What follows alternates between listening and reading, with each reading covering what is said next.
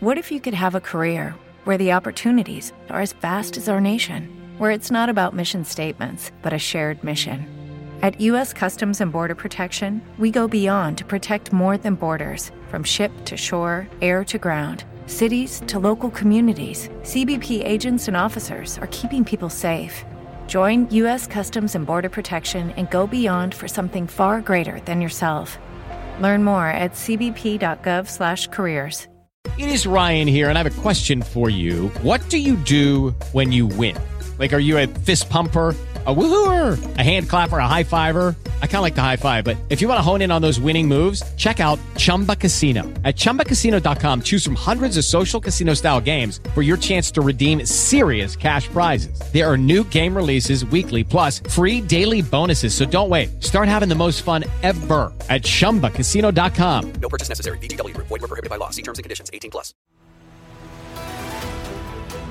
Rap Ràdio presenta A banda i banda el magazín diari que connecta Catalunya i el món presentat per Caral Àrias i Joaquim Soneira.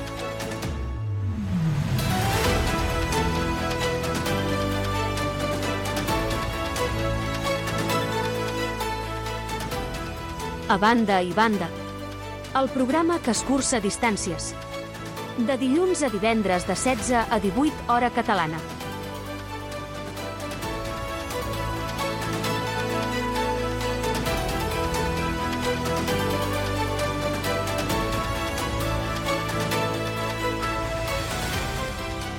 Si vius a l'exterior, som la teva ràdio.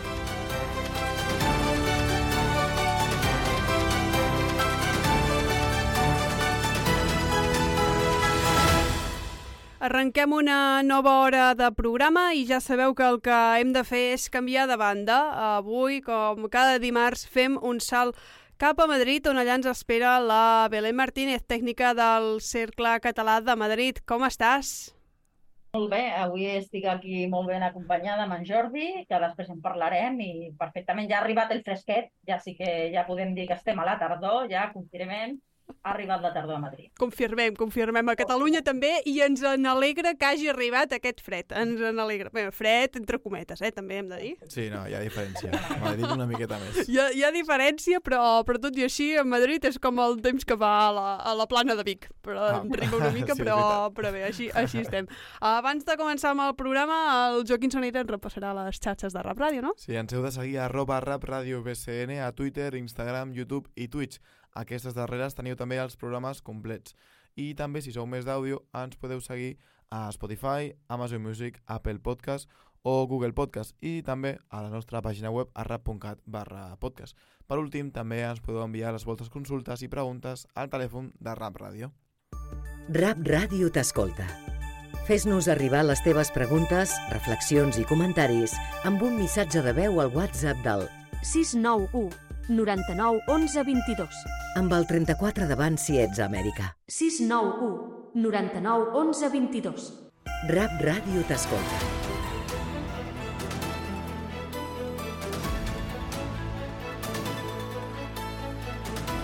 A banda i banda. L'actualitat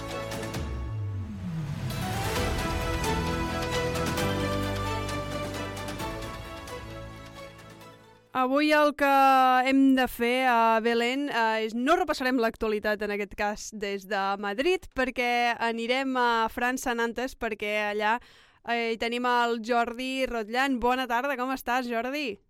Molt bona tarda, molt bé, gràcies. I vosaltres? És un plaer poder eh, estonar-te a tenir aquí després d'una mica de temps. Ens ha costat, eh, tornar a parlar amb tu. Sí, mira, és que com que no- aquí no hi ha vagues, i si no hi ha vagues, aquí l'actualitat eh, tot s'atura. Total, total. Belén? Bona tarda, Jordi. Eh, doncs parlem d'actualitat que eh, s'ha vist afectada a tota Europa pel conflicte entre Israel i Hamas i un fet que ha provocat un augment de l'alerta d'atemptats terroristes. Què ens ens dius? Doncs sí, aquí a França té una part, eh, diguéssim, molt de, un actor molt principal d'aquest d'aquest conflicte. Eh, aquí en el territori t'ho hem tornat a passar després d'una temporada on uh, l'alerta terrorista havia baixat, tornem a estar amb alerta total, és a dir, que espectacles, uh, llocs esportius, uh, lúdics, continua haver-hi, aquí diuen és el plan vigipiegat, és a dir, uh, poden uh, qualsevol moment mirar la bossa, t'escorcollen bé i tornem a estar amb aquesta alerta que ja havíem oblidat una miqueta i que ara torna a estar d'actualitat i com, bueno, ja ens has explicat una mica, però com s'està vivint a França aquesta situació de, de neguit? La, la gent té por de sortir a, als carrers? Val, diguéssim que és una situació que, que, que ja estàvem, no diria acostumats a viure, però que teníem molt present, que havíem oblidat i que ara tornem a, a, efectivament a recuperar. Però és veritat que, per exemple, bueno, com també he vist a Catalunya, hi ha moltes alertes de bomba, Eh, I, per exemple, sense anar més lluny, la setmana passada, durant dos o tres dies, hi van haver-hi, em sembla que van ser 14 amenaces de bomba als aeroports de França i 8 van ser desallotjats, amb la qual us podeu imaginar eh, doncs, el conflicte que pot representar tot a desallotjar un aeroport amb el que representa retard d'avions, etc.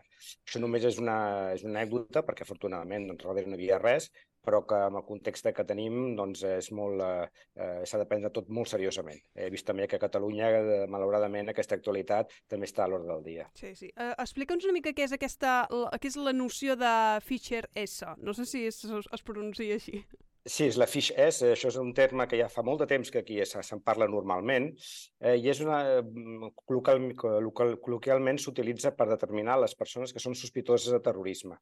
En fet, la Fish S és, una, és un gran fitxer que existeix des de fa més de 50 anys i en aquest fitxer senzillament hi ha totes les persones que en algun moment han tingut o presumptament han tingut un conflicte amb la justícia o amb l'Estat.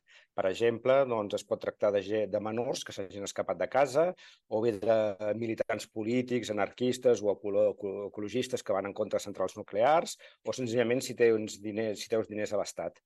I segons aquest tipus de categoria, eh, doncs et, et poden atorgar... Hi ha diferents diferents categories i segons el que hagis fet doncs pots tenir eh, una lletra o una altra segons, segons el teu, la teva incidència. I concretament, quan es tracta d'una amenaça per la seguretat de l'Estat, eh, et posen una S, d'aquí doncs seguretat de l'Estat aquesta S, i el qual localment es parla de que eh, tens una fish S, vol dir que representes una amenaça per l'Estat.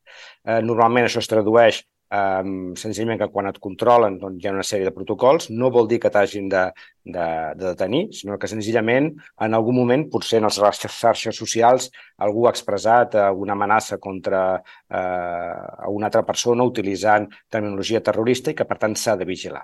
I és veritat que actualment doncs, amb les, uh, amb la pues, eh, malauradament l'actualitat que ha passat amb els professors eh, que no fa un mes van, a, van assassinar encara fa una setmana, van assassinar una altra, era una persona que tenia una fish S, és a dir, que ja estava eh, presumptament en vigilància, però bueno, que això d'aquí no passa d'aquí. I actualment en aquest fitxer em sembla que a França hi ha unes 700.000 persones que aquí figuren.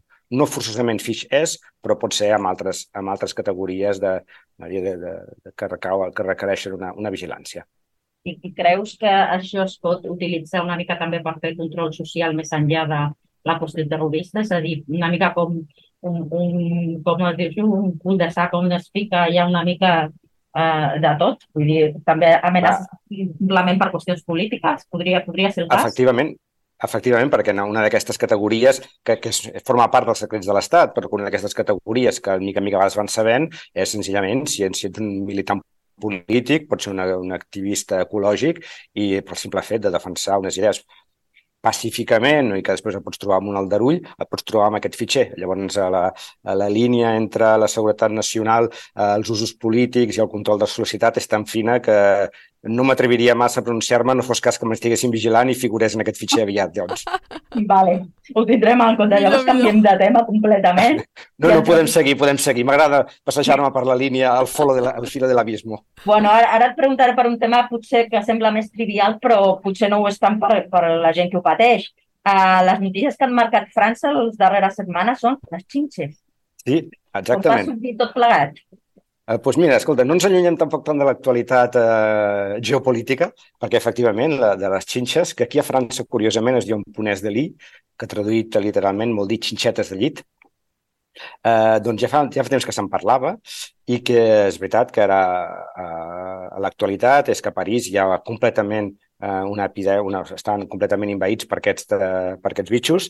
Eh, de cara als Jocs Olímpics, això representa una mala imatge, i aquests, eh, aquests animals, aquests insectes, no tan sols estan a les cases, sinó que es troben també a cinemes, al transport públic, i això representa una, un greu problema perquè desfer-se'n no és gens fàcil i, a més a més, és costós. I, eh, I buscant una miqueta te'n dones compte de que eh, han aparegut eh, últimament en els mitjans moltes notícies que eh, lliguen una miqueta el conflicte eh, de Rússia i Ucrània amb aquestes xinxes.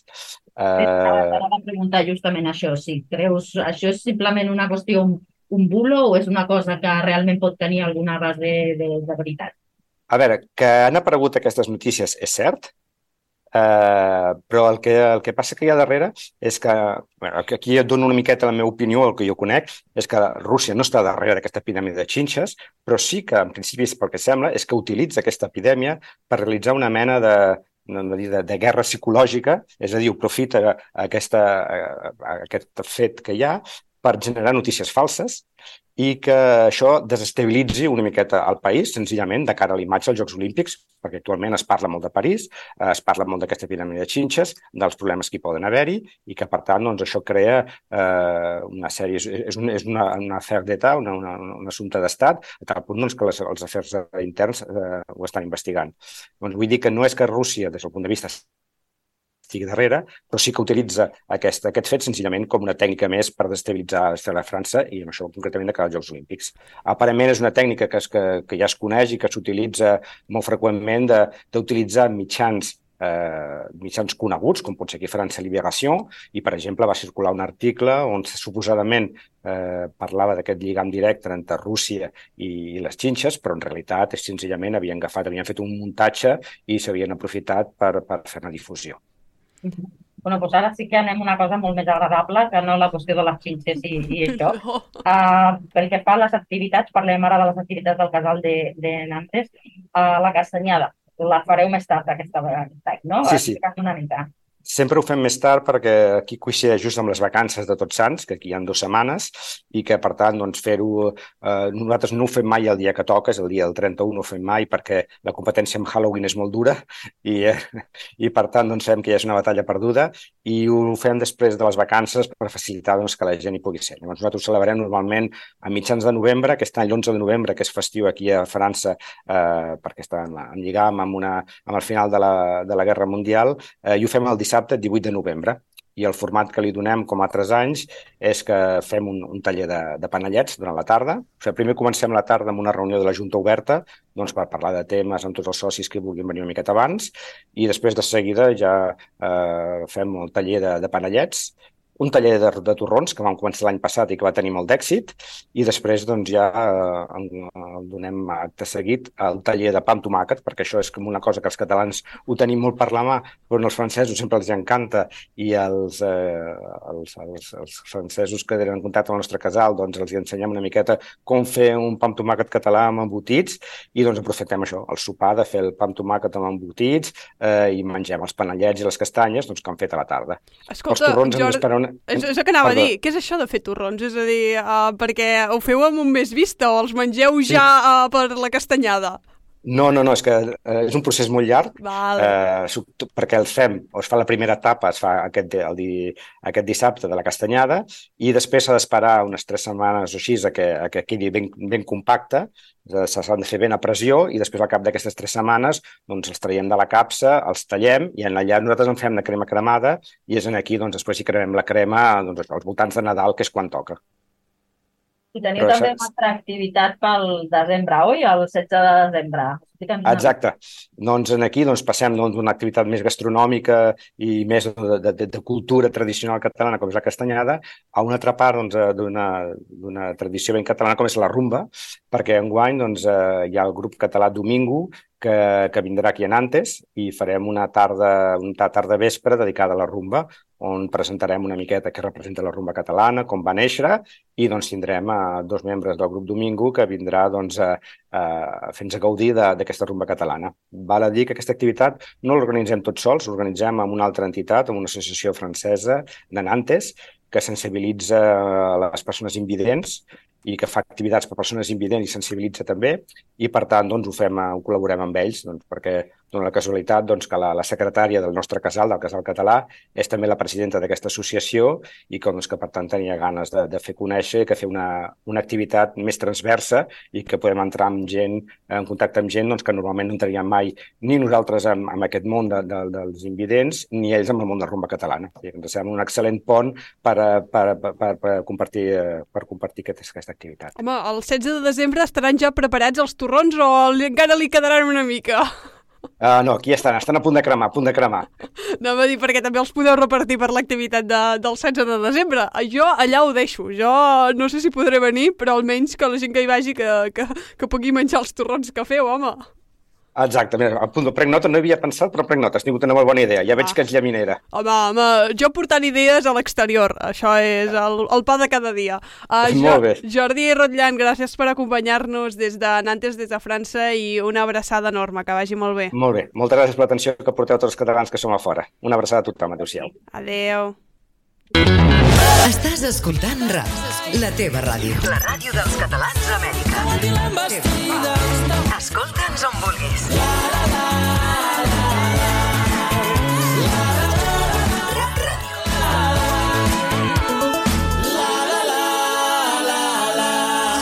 Descarrega't-la. Amb música? El temps no importa. Rap Ràdio. Música sense pausa.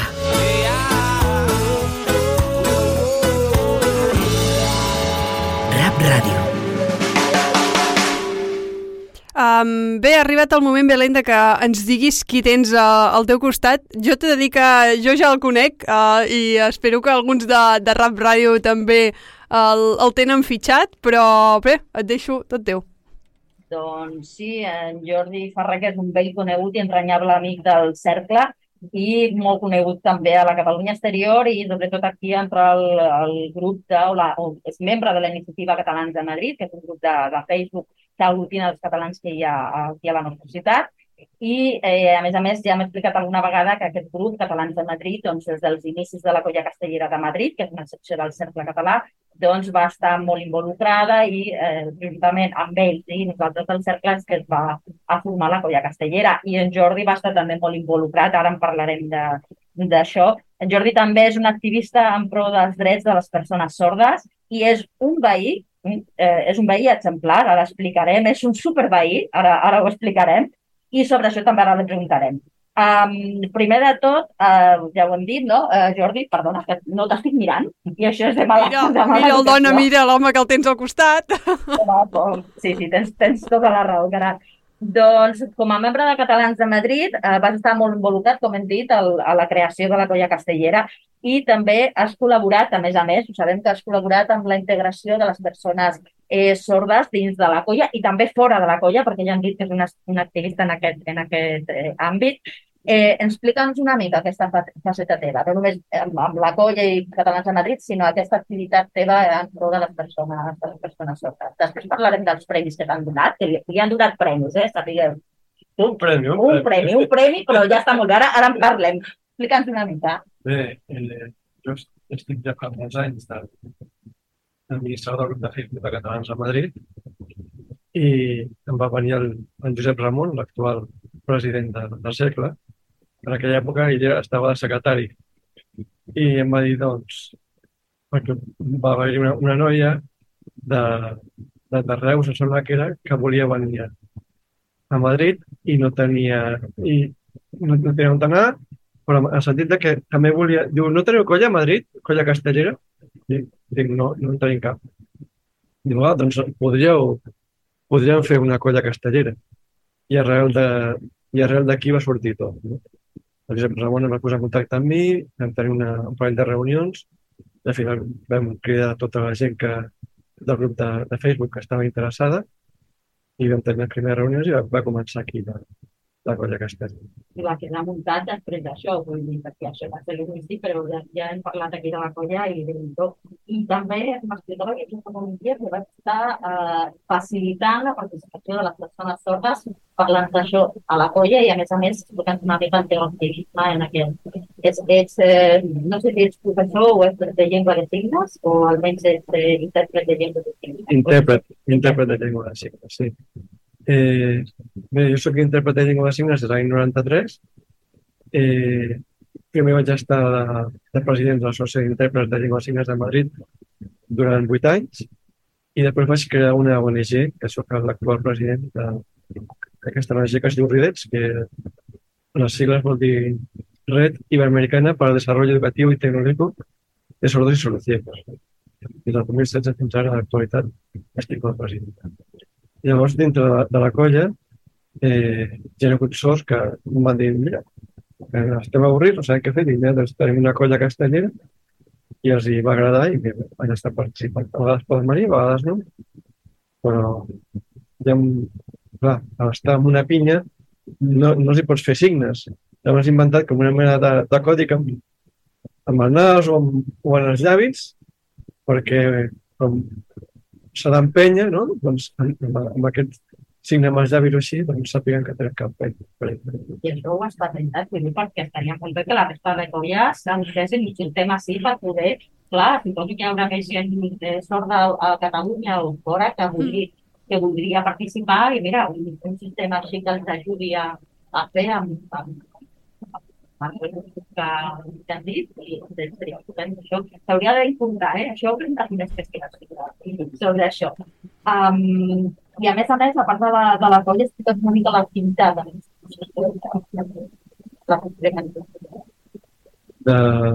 D'aquesta xarxa, sí. Eh, doncs, en principi, eh, tenim socis de, per tota Llatinoamèrica i, i també d'Espanya. I clar, la idea és més fer grups de WhatsApp amb diferents temes.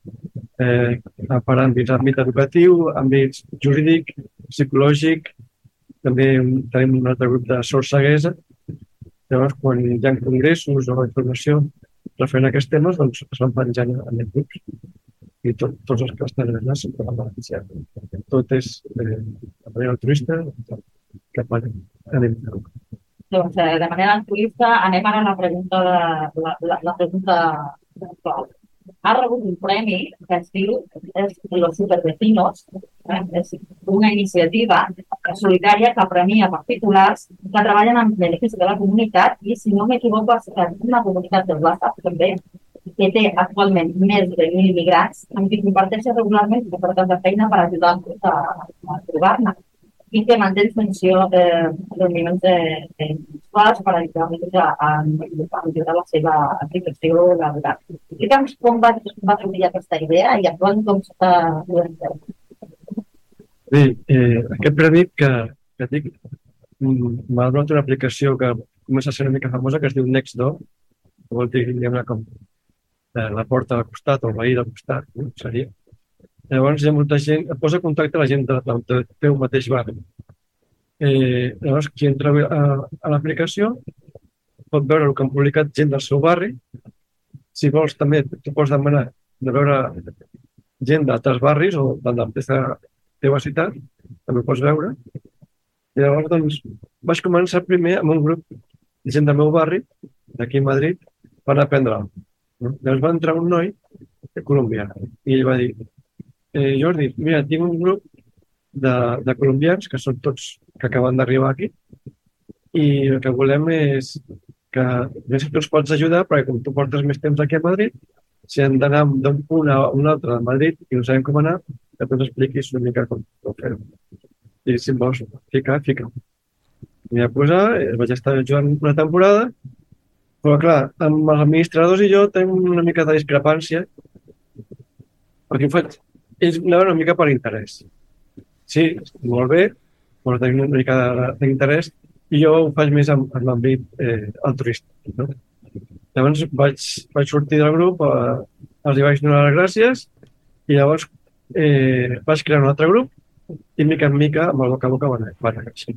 Els he posat ofertes de treball, he fet altres grups, un grup també d'immigrants a Barcelona, dintre dels grups de Madrid hi ha un per gent amb papers i un altre gent sense papers i dintre del, del grup de, gent sense papers, com ja ha arribat al límit que, que són 1.024 persones, Ostres. he tingut que crear un altre grup, que, que aquest altre segon grup ja hi ha unes 30-40 persones. En total, amb aquests dos grups de sense papers, unes 1.050 persones aproximadament. A part, un, el grup de Madrid de gent amb papers, que hi ha unes 250 persones, i el grup de Barcelona, que hi haurà unes, unes 100 persones. I bueno, una mica boig. Tota pensant. Jo, jo estava pensant el mateix, eh? No, no, no sé com... Clar, no sé com es gestiona tot plegat i també, um, Jordi, com, com és el fet de, de que se, o sigui, com vas rebre la notícia de que se't donés doncs, aquest reconeixement? És a dir, uh, tu ho esperaves? Sabies que es donava aquest tipus de, de premis? Sabia perquè jo estava a l'aplicació ja des de l'any passat. Però, clar, em va dir una noia de, de, de Nextdoor, em va dir, Jordi, t'he promocionat els premis Nextdoor, el veí més solidari. Però, clar, m'ho va dir jo li vaig passar, dic, bueno, em votarà ella i ja està, i, ja, i no sortiré. Però, clar, arriba a les finals, que presenten a dues persones de Catalunya i a mi, dic, bé, tot queda a casa, no? I, i dic, però clar, dic, ostres, dic, aquesta sí que no me l'esperava. Llavors ja vaig passar una mica la veu, no?, perquè els, els amics de, justament de Nextdoor, que, que estan també al grup d'immigrants, dic, ei, que sapigueu que estic aquí, doncs em van anar votant i finalment vaig sortir. i no ha parat fer entrevistes.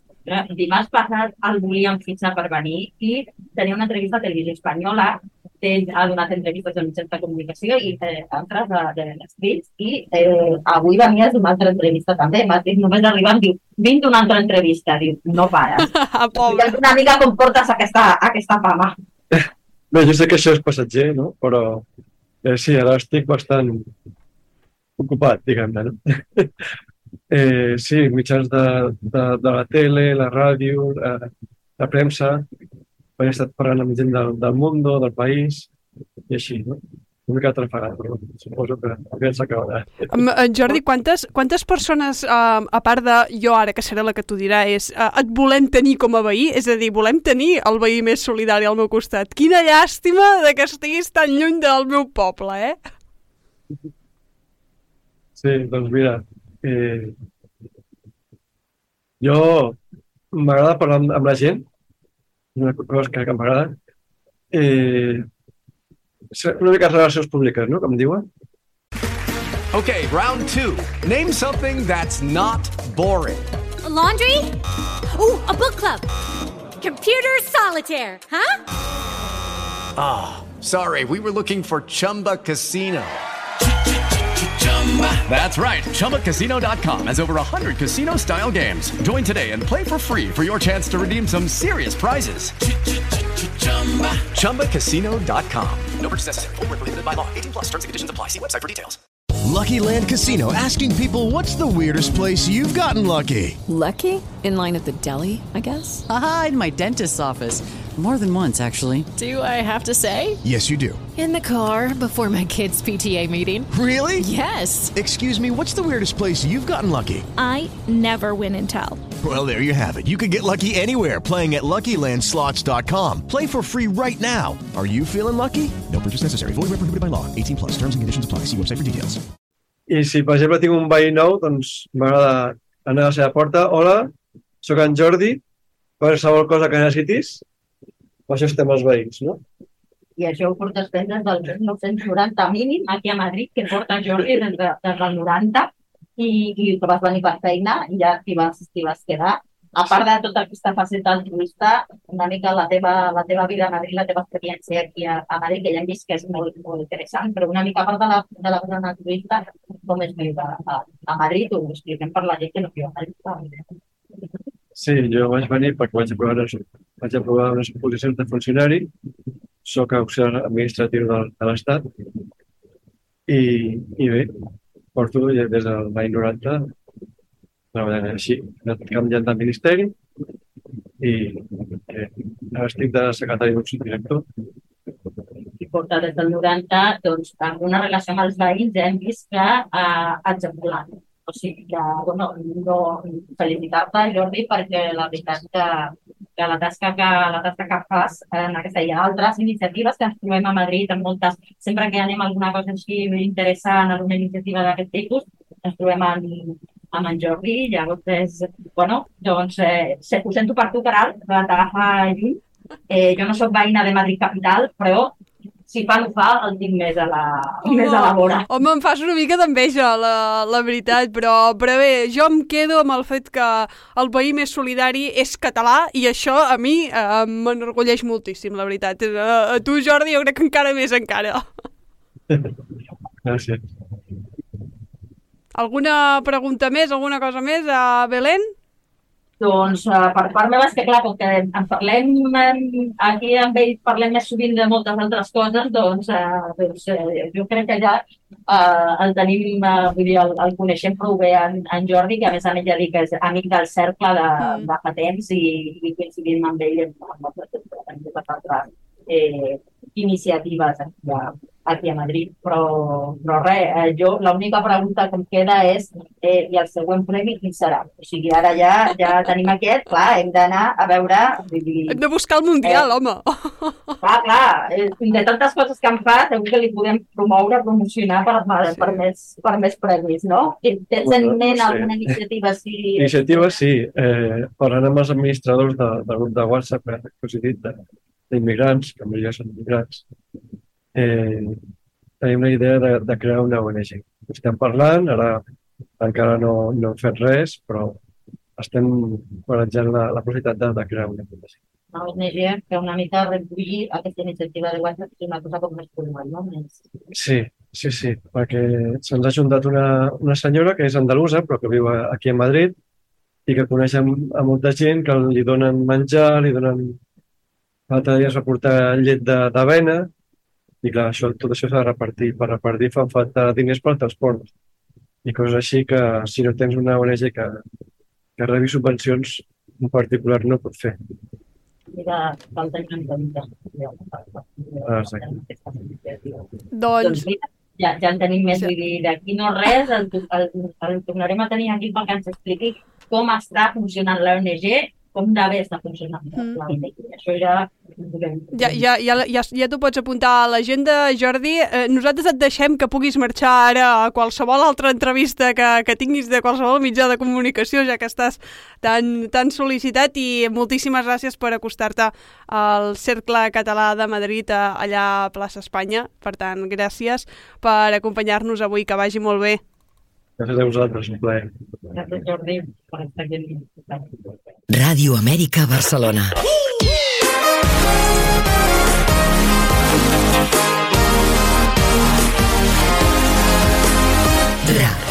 Música sense pausa.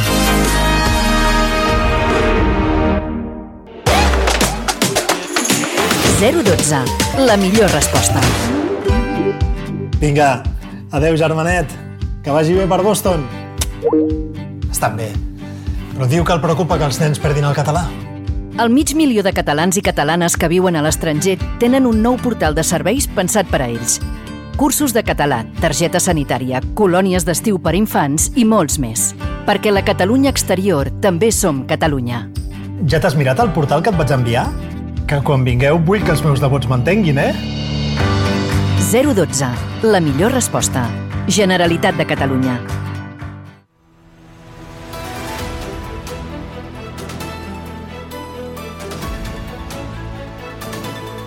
A banda i banda. El descompressor. Amb Joaquim Soneira.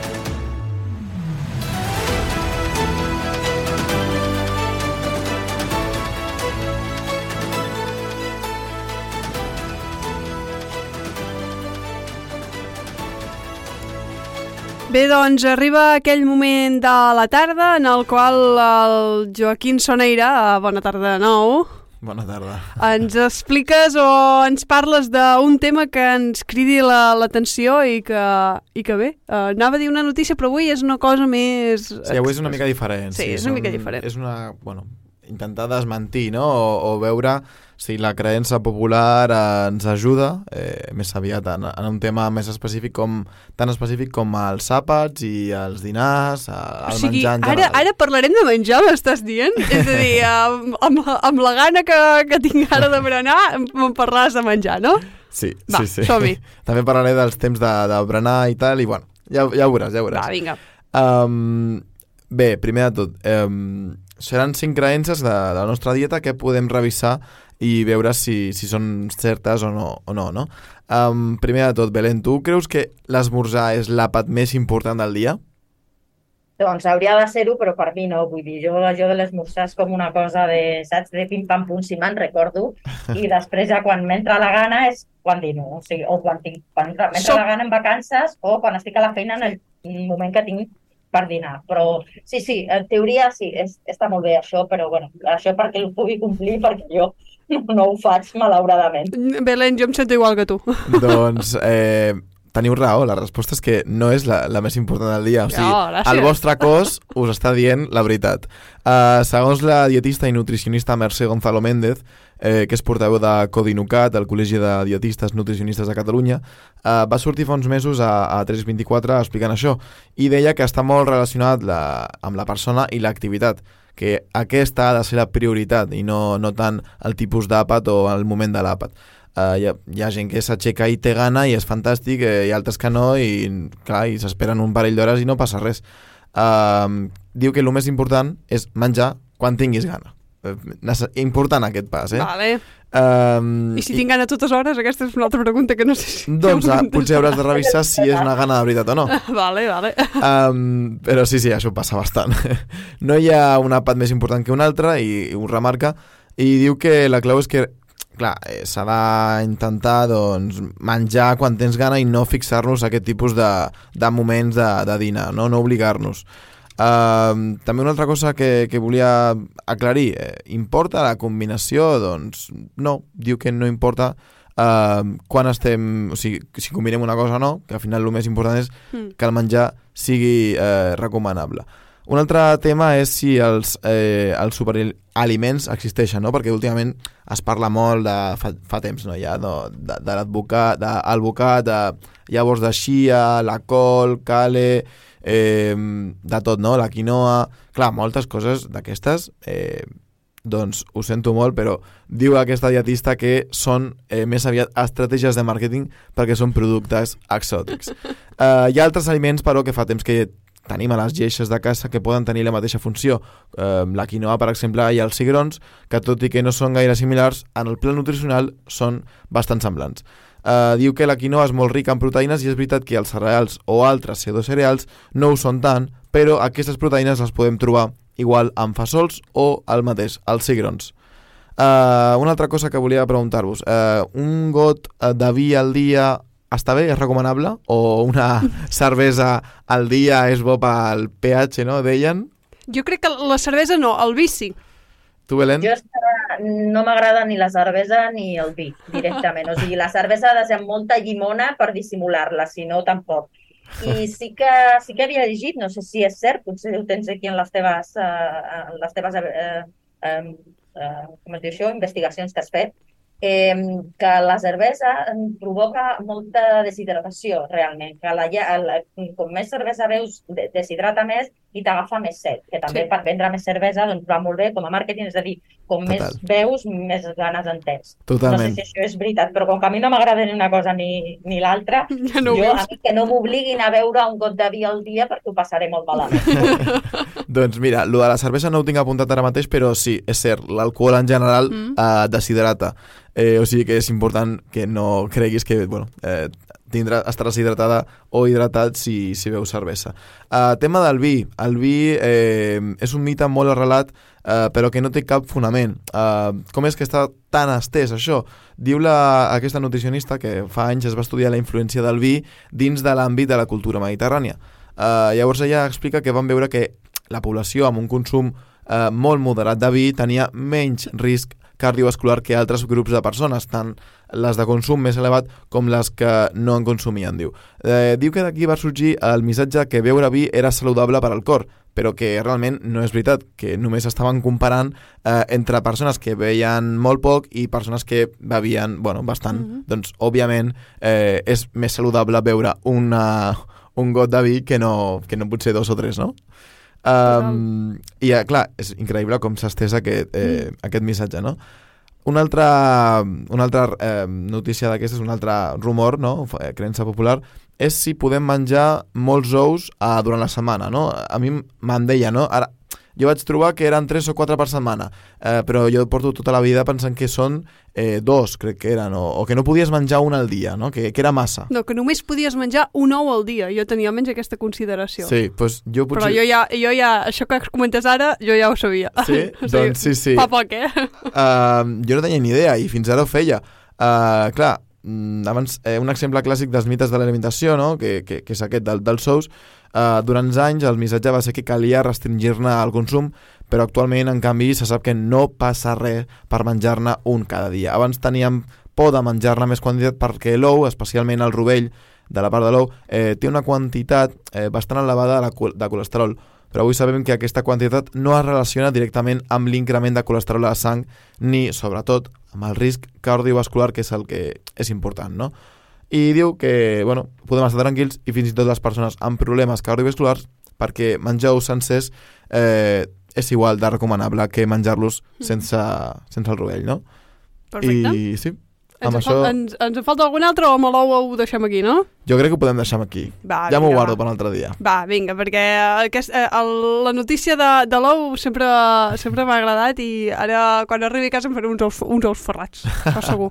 La, la Belén no sé si li han entrat ganes de menjar ous, però a Jo, mi... jo és que sóc vegetariana i, he Ah! estat, eh, i si menjo ous miro molt de limitar-los i de que siguin sempre de, perquè ho faig per qüestió d'ètica animalista, i si en menjo és de gallines 100% en llibertat, eh, de manera ecològica, vull dir, i em respectant una mica el benestar animal. Intento no menjar-ne perquè tot i així eh, no és una manera per mi tampoc de tractar les gallines, però eh, de tant en tant sí que en menjo i a vegades és complicat evitar-lo, no? Però, però bueno, amb el tema del, dels ous, doncs, un altre dia farem, eh, tot això que, hem, que està aquí, farem una secció o un, o un descompressor parlant de les qüestions de les dietes vegetarianes i veganes. Sí, ja me la preparo, això. M'agrada, m'agrada.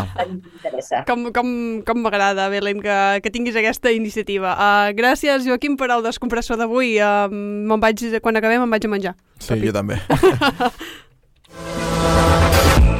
Ràdio Amèrica Barcelona. La ràdio sense dial. Maquino atordit rere d'un menir. RAP. Tenim molt en comú. RAP. Bé, doncs, com cada dimarts, eh, tenim amb nosaltres el Marcel Buisan, guionista i director de cinema, amb la secció de Crispetes. Bona tarda, com estàs, Marcel? Hola, bona tarda, molt bé, com esteu? Doncs mira, és un, és un plaer poder tornar a parlar amb tu, ja que la setmana passada jo no vaig poder estar, em vaig perdre les teves recomanacions en directe, però t'he de dir que, que les vaig escoltar després i ja me les vaig apuntar a la, a la meva llibreta, eh? sempre sempre m'ho apunto, sempre m'apunto les coses que, que ens vas dient. Et vas perdre les crispetes que són molt vegetarianes. Vull dir, a mi m'encanten les crispetes, ja ho vam dir, i, i sí, sí. Bueno, uh, Marcel, has pogut veure els assassins de la lluna? Què t'ha semblat?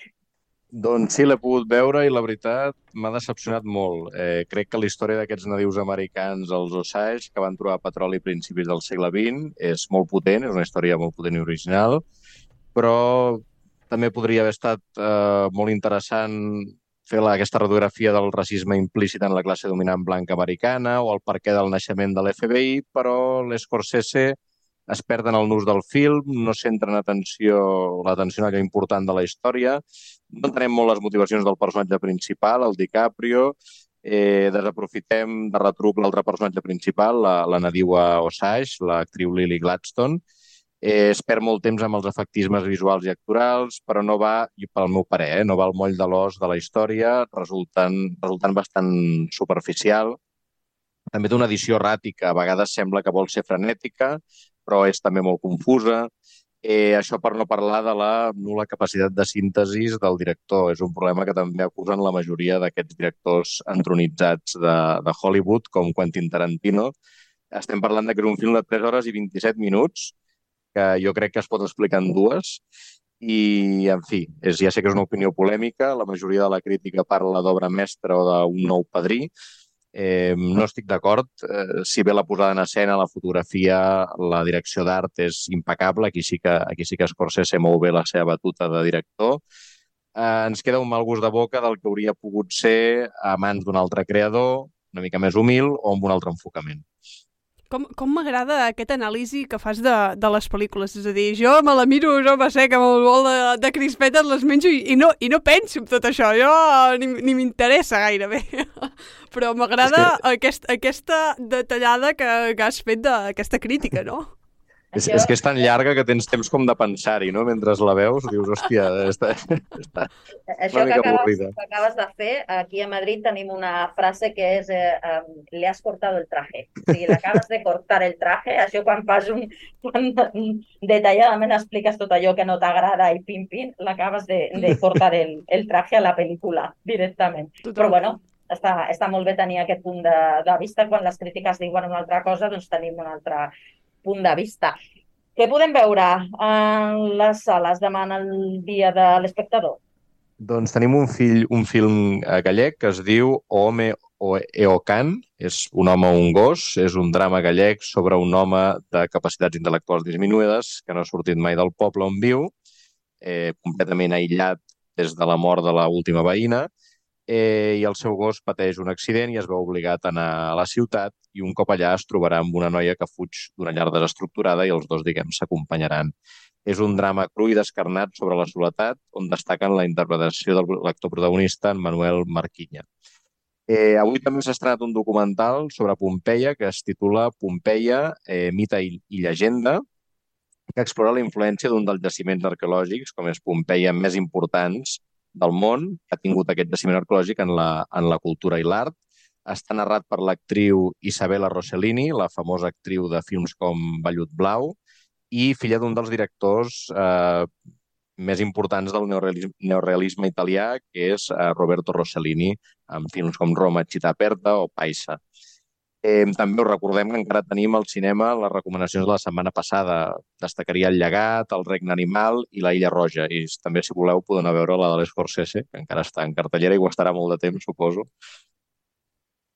Home, tot i que amb jo, aquesta recomanació no sé si els nostres oients hi podran anar-hi, eh, amb tot el que has sí, dit. Eh, jo, jo ara que has parlat d'Isabella Rossellini, que filla de, de Roberto Rossellini, però és filla d'Ingrid Bergman, no oblidem. També, a també és veritat, sí, sí, sí. És, és filla d'Ingrid Bergman, vull dir, poca sí, sí. cosa, perquè a més jo cada vegada que la veig, cada vegada s'assembla més a la, a la mare. la versió italiana de, de tota una actriu eh, com, sí, sí. com Ingrid, Ingrid Bergman.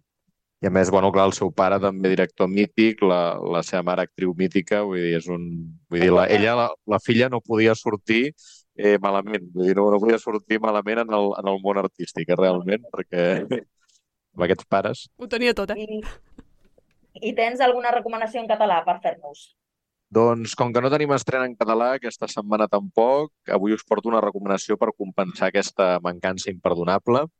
És, us recomano un dels millors films històrics que s'han fet a casa nostra, que és Carles, príncep de Viana. És un film dirigit per Sílvia Kerr l'any 2001 i parla de les vicissituds del primogènit del rei Joan II, el príncep Carles de Viana, que va ser acusat de traïció i empresonat pel seu propi pare. Eh, tenim un repartiment català de luxe amb un duel interpretatiu inolvidable entre David Selves i Josep Maria Pou, amb secundaris com Manel Barceló, Marc Cartes, Irene Montalà, Eduard Farelo, entre molts d'altres, i un paper breu però intens del nou director del Teatre Lliure, en aquell moment un joveníssim Julio Manrique. Eh, és una TV-movie molt ben executada per Sílvia Kerr, amb un guió molt acurat de Miquel Peirolí, és una llàstima que no s'hagués intentat fer un film de ficció eh, pel cinema, més pressupost, però en aquell moment estàvem a l'època d'or dels, dels films de, de televisió europeus, no? aquests films que es feien per la televisió. Eh, en aquest fins i tot hi ha una coproducció amb, entre França i Itàlia. Jo crec que és el camí a seguir, el que va fer aquest film. Eh, no mirar tant a l'estat espanyol per audiovisual, on el català sempre almenys té una mica i és una mica residual, i fer més coproduccions amb altres països europeus hi ha ficcions del nostre país que poden compartir interessos de, de producció amb altres nacions d'Europa. Eh, En bé, el príncep de Viana és un exemple que amb molt pocs recursos es pot fer un drama històric ambiciós. No cal fer sempre només monocultiu de costumbrisme perquè sigui més barat, més barat o per minimitzar el tema nacional de Catalunya. Eh, bé, per desgràcia, la minissèrie de ficció sobre el setge de Barcelona que havia de fer Sílvia Kerr pel tricentenari, eh, al finalment no es va fer. Eh, esperem que algun dia aquesta minissèrie sobre la Barcelona de 1714 eh, es, es recuperi aquest projecte. Eh, Carles Príncep de Viana el podeu recuperar gratuïtament a, a YouTube o comprar l'edició en DVD a la botiga de, de TV3. Mhm. I quines estrenes trobem a les plataformes digitals? Doncs a HBO Max tenim la segona temporada de la sèrie de terror sobrenatural d'Àlex de la Iglesia, 30 monedes. Aquí deixa una mica més de banda la vessant costumbrista de la primera temporada i entra de ple en el gènere terrorífic. Eh, S'incorpora també al repartiment el gran actor americà Paul Giamatti, eh, actor de com, pel·lícules com Entre copes o la sèrie John Adams. Eh, a Disney demà s'estrena Els lleons de Sicília, una sèrie ambientada a principis del, del segle XIX sicilià, on dos germans de Calàbria s'estableixen a Sicília convertint una petita tenda en un gran empori comercial. Està basat en el best-seller de Stefania Auci. Eh, a Netflix tenim la sèrie Cadàvers sobre quatre detectius de diverses èpoques que troben la mateixa víctima d'assassinat en el mateix barri londinenc de Whitechapel. Eh, la crítica està bastant dividida, ha agradat i no, a parts iguals. Alguns diuen que es tracta d'una premissa molt interessant, però bastant mal, mal portada. Eh, protagonitza l'actor anglès Stephen Graham, de, famós per fer el, el paper de, de gàngster a Boardwalk Empire o This, eh, This is England, la pel·lícula This is England. A Filmin s'ha estrenat el film Memòria del director tailandès, eh, bueno, un nom impronunciable, Apitstapong eh, Werestakul, ja està, suposo que està bé. No t'ho faré tornar a repetir, tranquil. Vale, gràcies, millor. és autor de El tio eh, Pum recorda les seves vides passades, eh, una pel·lícula que de fa uns anys. Eh, en aquest cas, aquest film el protagonista la famo el protagonitza la famosa actriu Tilda Swinton. Eh, la, seva, la seva protagonista desperta amb un so d'un altre món i viatjarà al cor de la selva colombiana per descobrir d'on prové aquest so. Eh, ser premi del jurat ex Exequo al Festival de Canes del 2021 i és un viatge sensorial amb tocs sobrenaturals del seu prolífic director. I aquest divendres a Prime Video s'estrena Therapy, una sèrie de televisió alemanya sobre un best-seller del país, eh, la desaparició en estranyes circumstàncies de la filla d'un famós psiquiatre fa que aquest es retiri en una remota casa a una illa del al nord d'Alemanya i fins allà el segueix una dona que pateix unes estranyes al·lucinacions on se li preix una nena petita que també va desaparèixer en estranyes circumstàncies com la filla del protagonista. Aviat el psicòleg començarà a fer-li teràpia resultant un autèntic malson. Doncs per acabar, um, Marcel, en... arriba el moment de la recomanació de, de la setmana, que tenim encara, encara temps per fer-ho. De quina ens parlaràs? Avui us porto, eh, abans parlàvem d'una sèrie ambientada a principis del segle XIX a Disney, aquesta El Lleons de Sicília, doncs si us interessa el segle XIX europeu, us recomano un film que el, està molt ben, molt ben expressat, que és L'Ússer en el Terrat, és un film de l'any 95, dirigit per Jean-Paul Rappeneau, que és el director de la famosa versió de Cyrano de Bergerac amb Gerard Depardieu, i el film tracta de les aventures d'un jove oficial italià fugitiu en una caòtica Provença colpejada per una epidèmia del còlera. Eh, surten Juliette Binoche i Oliver Martínez. És un drama aventurer, romàntic, rodat de forma molt correcta i acadèmica per Rappeneau, que en aquest cas no va repetir l'èxit de taquilla internacional com amb Cirano, però no obstant això no va rebre tampoc l'atenció que en el meu parer es mereixia, ja que es tracta d'un film que quan el veus no et sent diferent, perquè recupera cert esperit clàssic del cinema aquest de capa i espasa i recentment s'ha revaloritzat, revaloritzat, revaloritzat per eh, aquest rerefons de confinaments i, i, i epidèmies. Recordem que hi ha una epidèmia de, de còlera en el film. El teniu, per veure'l és una mica complicat, perquè el teniu disponible al Prime Video francès, o sigui, si viu a França o sabeu de VPNs d'aquestes per, per posar que esteu en un altre lloc del món, el podreu veure. I no, també la podeu comprar o llogar a Apple TV. Perfecte, doncs uh, Marcel, amb aquesta recomanació um, hem de deixar aquí, però em sembla que la Belén volia fer dos recordatoris. Dos recordatoris importants. El cap de setmana, aquest cap de setmana, el, dia, el dissabte 28, a les 7 de la tarda, tenim aquí al Cercle Català de Madrid, al nostre Teatre Santiago Rossinyol, el concert d'homenatge a Pau Casals en el 50è aniversari de la seva mort. Tindrem en Jordi Pardo, que és el que el vam tenir la setmana passada de convidat, i l'Anna Llorenç. Jordi Pardo, president de, perdó, director general de la Fundació Pau Casals, Anna Llorenç, politòloga de la, perdó, oh, com estic avui, musicòloga perdó, musicòloga de la Complutense, eh, que faran a la, la conferència i el concert serà a càrrec d'Alejandro Gómez Pareja, violoncel·lista madrileny. I ja tenim, ja hem vist, la setmana passada ja vam veure eh, les bones companyies de Sílvia Munt mm. i ara aquest mes, el mes de novembre, el dia 19, tine, tindrem eh, en el cicle Gaudí a les 5 de la tarda els Encantats d'Helena eh, Trapé, que va ser Biznaga de Plata al Festival de, de Màlaga pel, pel millor guió. Aquests són els recordatoris, que ja sabeu que cada dia, cada, cada dimarts us faré els recordatoris uh, oportuns. Perfecte, doncs uh, gràcies Belén, també Marcel, gràcies per, per acompanyar-nos un, un nou dimarts. Nosaltres el que hem de fer, uh, Joaquim, és deixar aquest programa d'avui aquí i abans d'acabar ens recordes les xarxes de Rap Ràdio? Sí, us heu de recordar de seguir-nos a arroba rapradiobcn, tant a Twitter, Instagram, YouTube i Twitch. Fins demà. Doncs vinga, va, nosaltres ho deixem aquí i eh, ens trobem demà, però eh, no aquí, a l'estudi de Rap Oh, veritat, bona sorpresa. Sí, sí, sí, demà tenim una sorpresa perquè marxarem fora de l'estudi de Rap Ràdio. No marxarem gaire lluny, també us ho dic, però, però bé, farem un programa amb un altre ambient. Millorarem l'ambient, no? Sí? Jo crec que jo crec sí. que, espero, espero, espero Molt que sí, maco, no? molt tu, maco. tu creus que sí? Tu, És tu hi has maco. estat on anem? He estat i és Ja, molt... ja m'estava picant la curiositat. Jo també. doncs ja, ja ho, ho haureu de descobrir demà. Jo no, jo no em xivaré, ho, ho sento molt. Doncs ens veiem demà en aquest lloc tan especial. Sí, fins Que demà. vagi bé. Adéu-siau.